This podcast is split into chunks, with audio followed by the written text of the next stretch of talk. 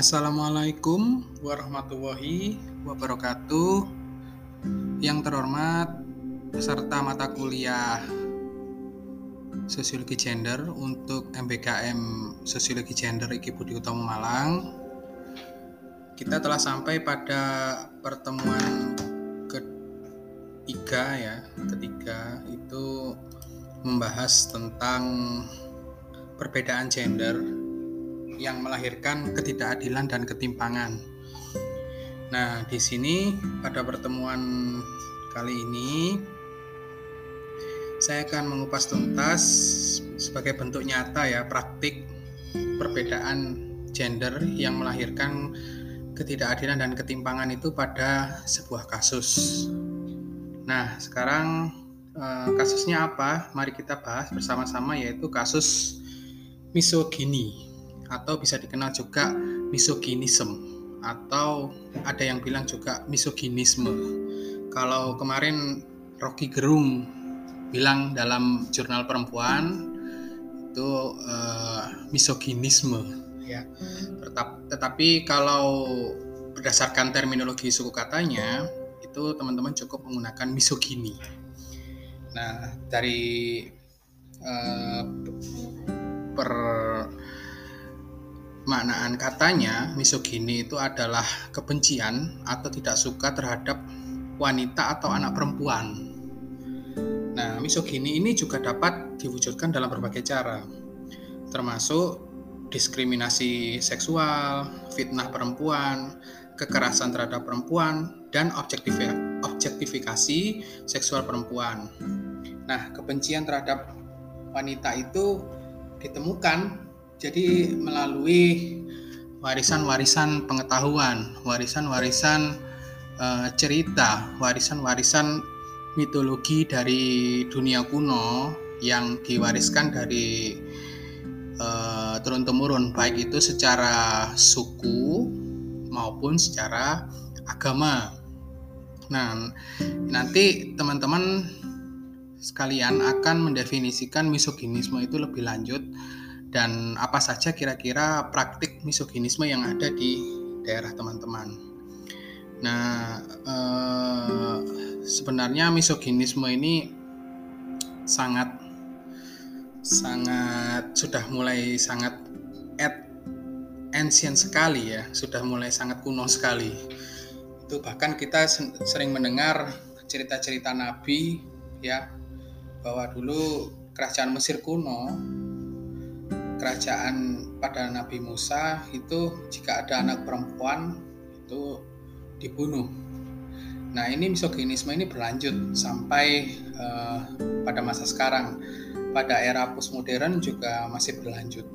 Nah sebenarnya uh, seperti apa pandangan sosiologi terhadap misoginisme itu? Mari kita buka bersama-sama. Mari kita uh, telah bersama-sama. Menurut sosiolog Alan C. Johnson, misogini itu adalah sikap budaya kebencian terhadap perempuan karena mereka adalah perempuan. Nah, maksudnya bagaimana? Ya, ini tidak tidak punya alasan, tidak punya alasan tertentu. Seperti kalau Judika bilang itu cinta karena cinta itu dia tidak punya definisi yang sangat jelas kalau menurut Alan C. Johnson mereka benci terhadap perempuan karena mereka adalah perempuan nah Johnson berpendapat bahwa kebencian terhadap wanita itu merupakan bagian sentral dari prasangka seksis dan ideologi. Serta demikian itu merupakan dasar penting bagi penindasan perempuan dalam masyarakat yang didominasi laki-laki. Jadi kita jelas bahwa itu adalah bentuk patriarki yang sangat kental.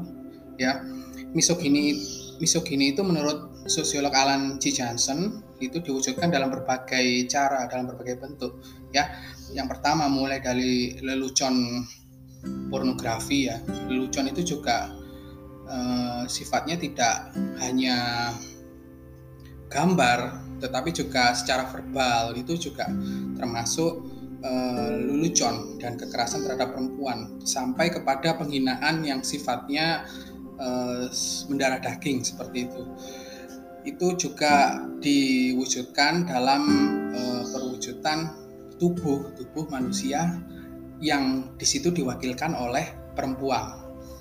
Nah, ini eh, definisi sosiolog Alan C. Johnson ini berbeda lagi dengan pernyataan dengan sosiolog Michael Flood dari Universitas Wollongong ya dia mendefinisikan kebencian itu uh, seperti ini meski dilakukan berbagai macam pria itu kebencian terhadap wanita itu sudah juga dipraktikkan dalam perempuan terhadap perempuan. Jadi ini uh, definisinya Michelle Fruit ini lebih jelas, lebih lebih gamblang dan tidak hanya laki-laki yang membenci perempuan, tetapi juga perempuan membenci perempuan, bahkan terhadap uh, diri mereka sendiri.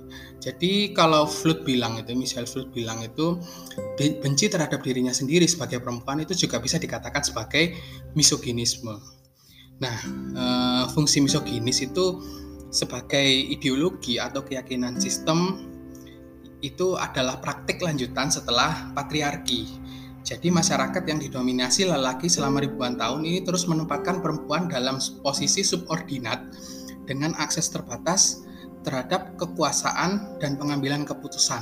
Nah ini, jadi kalau seumpamanya teman-teman melihat, oh nggak boleh lah pemimpin perempuan itu pemimpin perempuan uh, tidak layak untuk pemimpin. Nah, itu sebenarnya teman-teman sudah mempraktikkan apa yang namanya misoginisme. Nah, itu pernyataan Michel Flood ini sangat berkaitan dengan pernyataan Aristoteles yang berpendapat bahwa perempuan itu adalah kelainan. Nah, kelainan itu kelainan apa? Kelainan yang secara alami atau bawaan dari Tuhan. Nah, itu ada ada juga yang ekstrim ekstrim lagi bilang bahwa Aristoteles itu laki-laki eh sorry perempuan itu adalah bentuk uh, ketidaksempurnaan dari laki-laki. Nah ini kan juga satu sebuah subordinasi ya sub, supremasi dari laki-laki. Nah sejak saat itu perempuan dalam budaya ini telah diinternalisasi peran mereka sebagai kambing hitam sosial. Inilah yang uh, dikatakan tadi oleh Aristoteles itu bahwa kebencian terhadap perempuan itu mulai mendarah daging dan tidak hanya mulai dari zaman dulu kala tetapi terus menerus direproduksi sampai uh, masa saat ini. Selain itu pada abad ke-20 yang kemarin ya objektifikasi multimedia wanita dengan kultural sanksi untuk membenci diri sendiri dan fiksasi terhadap operasi plastik, anoreksia dan bulimia. Nah ini eh, sedikit satu sebuah tendensi ya tendensi bahwa perempuan itu adalah bentuk suatu kelainan yang harus diubah baik itu secara biologis maupun secara uh, sosial seperti itu. Nah ini kemarin ada yang berdiskusi dengan saya, apakah sebenarnya praktik misoginisme itu hanya ada pada agama tertentu? Nah kebetulan saya tanya, agama agama apa yang saudara maksud? Nah agama agama Islam pak, karena memang kebijakan-kebijakan Islam itu banyak yang uh, mensubordinasikan perempuan. Oh, tunggu dulu. Nah, tunggu dulu ya. Ini jika kita melihat dari sisi historis, sebenarnya misoginisme itu tadi seperti pernyataan saya sebelumnya bahwa uh, sejak zaman dahulu uh, perempuan, praktik-praktik misoginisme perempuan di Eropa itu sudah terjadi. Yang pertama, mari kita bahas yaitu dalam Yunani dalam kepercayaan Yunani kuno ya. Dalam bukunya The World Oldest Prejudice karya Jack Holland itu mengklaim bahwa bukti kebencian terhadap wanita itu sudah terjadi dalam mitologi dunia kuno. Jadi dewa-dewa dewa-dewa digambarkan dalam dewa-dewa Yunani dewa-dewa perempuan itu adalah sebagai bentuk bukan sebagai penguasa pembantu dari laki-laki. Meskipun kita tahu ya dewa dewa Ares dewa lain-lainnya dewa siapa? Uh, uh, Nebula. Itu itu kalau kita lihat masih di bawahnya Zeus, Poseidon dan lain sebagainya ya. Jika ketika itu Prometheus itu memutuskan untuk mencuri rahasia api dari para dewa Zeus itu marah dan memutuskan untuk membunuh manusia. Nah yang siapa yang dibunuh uh, manusia pertama kali oleh dewa Zeus yaitu ya wanitanya sendiri.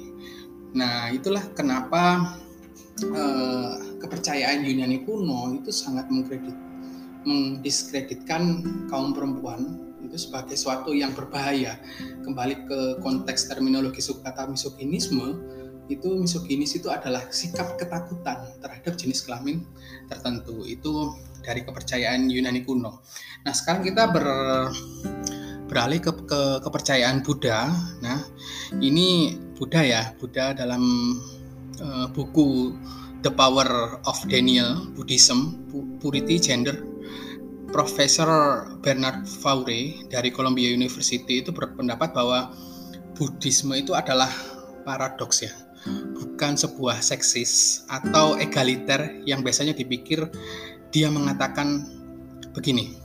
Banyak sarjana feminis itu menekankan sifat misoginis atau setidaknya androsentrik Buddhisme dan menyatakan Buddhisme moral meninggikan biarawan laki-laki Sementara ibu dan istri para biarawan itu justru memiliki uh, peran penting lebih daripada biarawan Buddhis itu sendiri, ya. Sementara dari para ahli, ya, uh, dia melihat berlawanan. Oh, orang wanita Buddha itu bentuk emansipasi, bentuk kesetaraan, bentuk perjuangan. Nah, ini dilihat um, sebagai sebuah ancaman, sebagai sebuah ancaman dan ini adalah sebuah penindasan. Nah, ini kita ada dua ya, kita ada dua dari dari situ kita melihat ada dua sikap yaitu optimis dan pesimis eh, bahwa sebenarnya peran perempuan itu seperti apa di di sosial ini? Apakah dia hanya mengurus rumah tangga ataukah memang dia uh, bisa memegang peranan seperti apa yang dilakukan oleh kaum laki-laki? Nah sekarang uh, kita itu tadi dari kepercayaan Buddha. Sekarang kita melihat dari kepercayaan Yahudi ya dari buku yang sama ya The World Orders Prejudice buku punyanya uh, Jack Holland ini dalam perjanjian lama ya dalam kisahnya perjanjian lama kalau kita mendengar dalam kepercayaan Yahudi itu akan ada perjanjian lama dan perjanjian baru.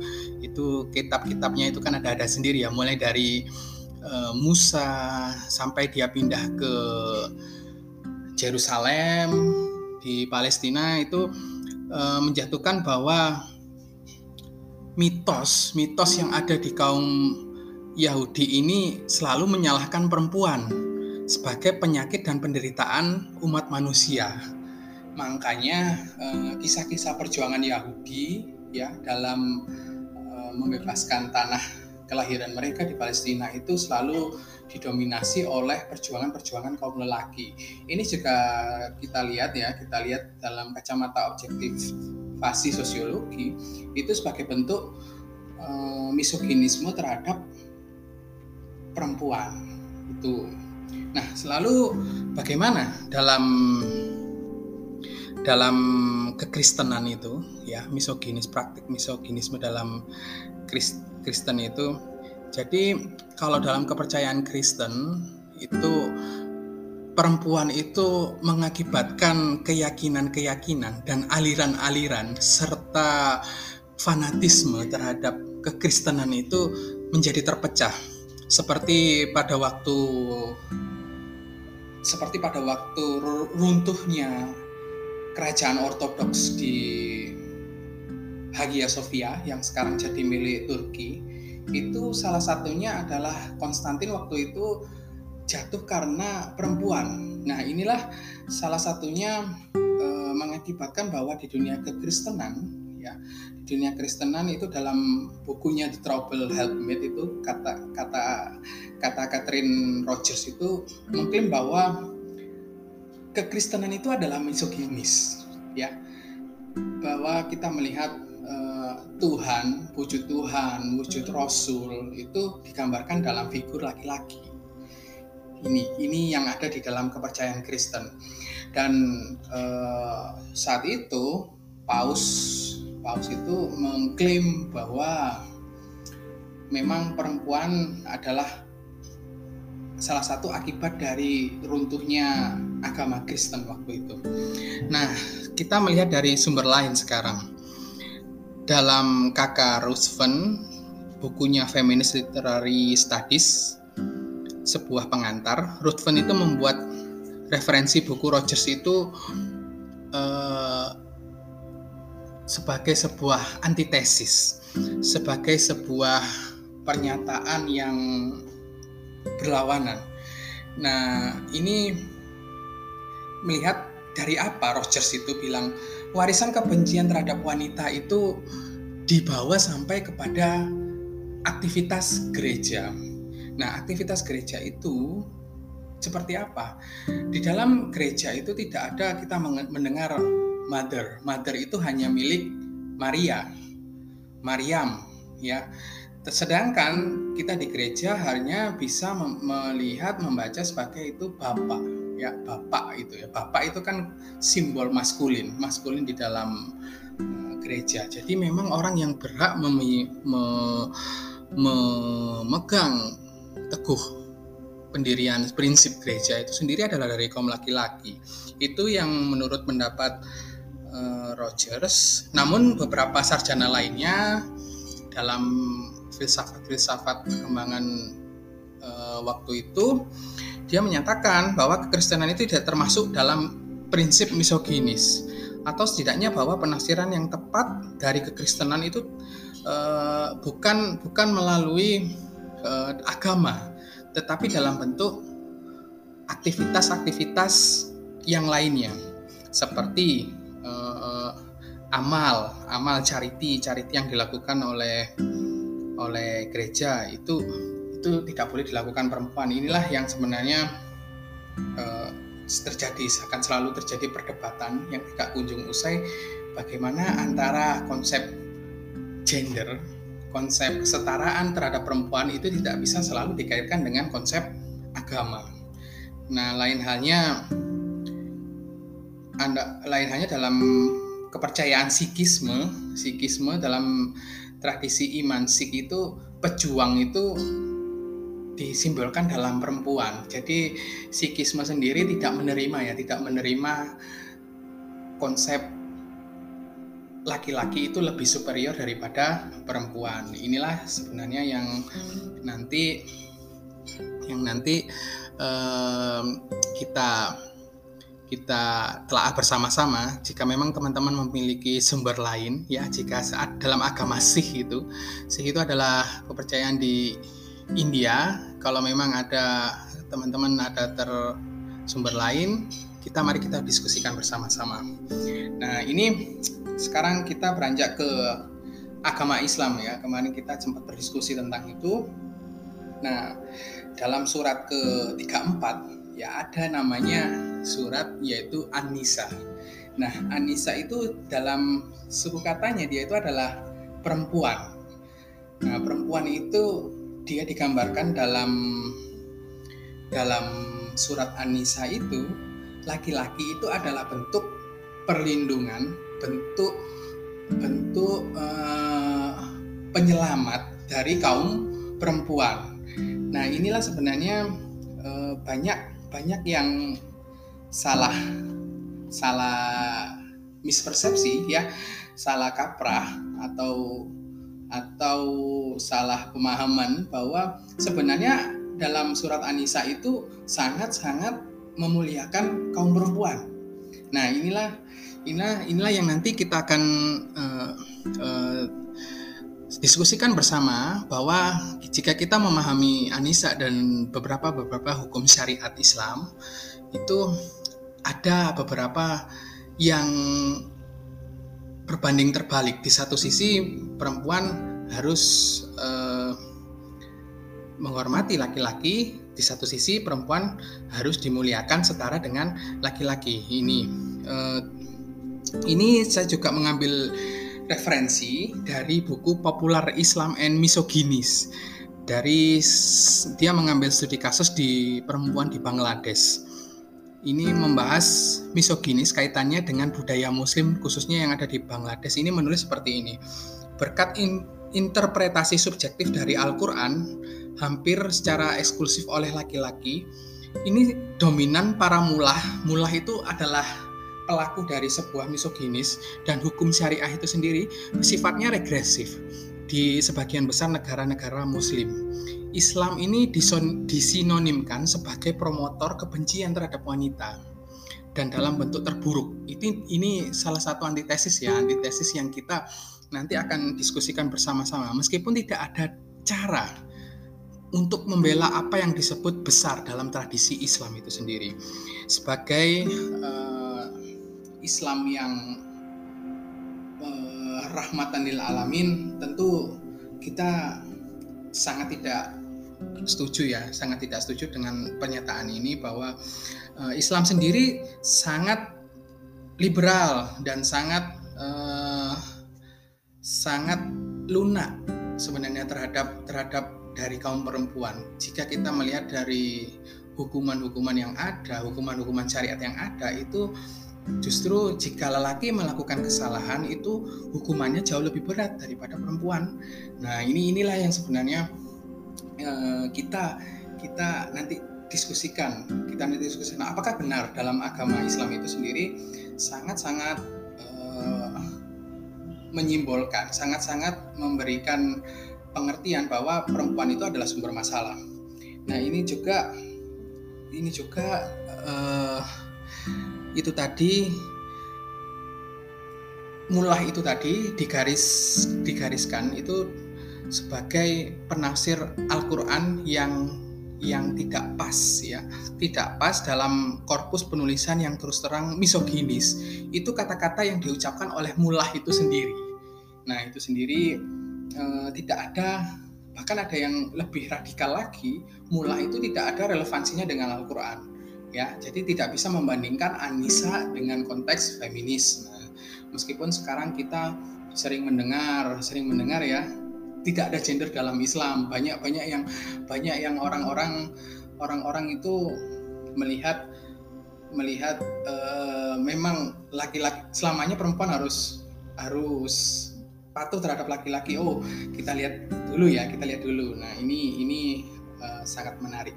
Kemudian teman-teman yang dari Aceh ya teman-teman dari Aceh mari memberikan feedback ya melalui mungkin punya pernyataan yang berbeda bagaimana Islam di sana, Islam di sana konstruksi konstruksi daerah istimewa ya, daerah Serambi Mekah bagaimana mengkonstruksi perempuan. Apakah memang hukum-hukum syariat itu sangat melindungi perempuan ataukah memang perempuan itu menjadi objek objek kekerasan dari hukum syariat itu tadi? Mari kita diskusikan bersama-sama. Nah, itu tadi sekian dari saya materinya untuk lebih jelasnya saya saya juga mencantumkan sebuah materi yang ada di LMS. Silahkan dibaca. Terima kasih atas perhatiannya. Bila taufik wal hidayah. Wassalamualaikum warahmatullahi wabarakatuh.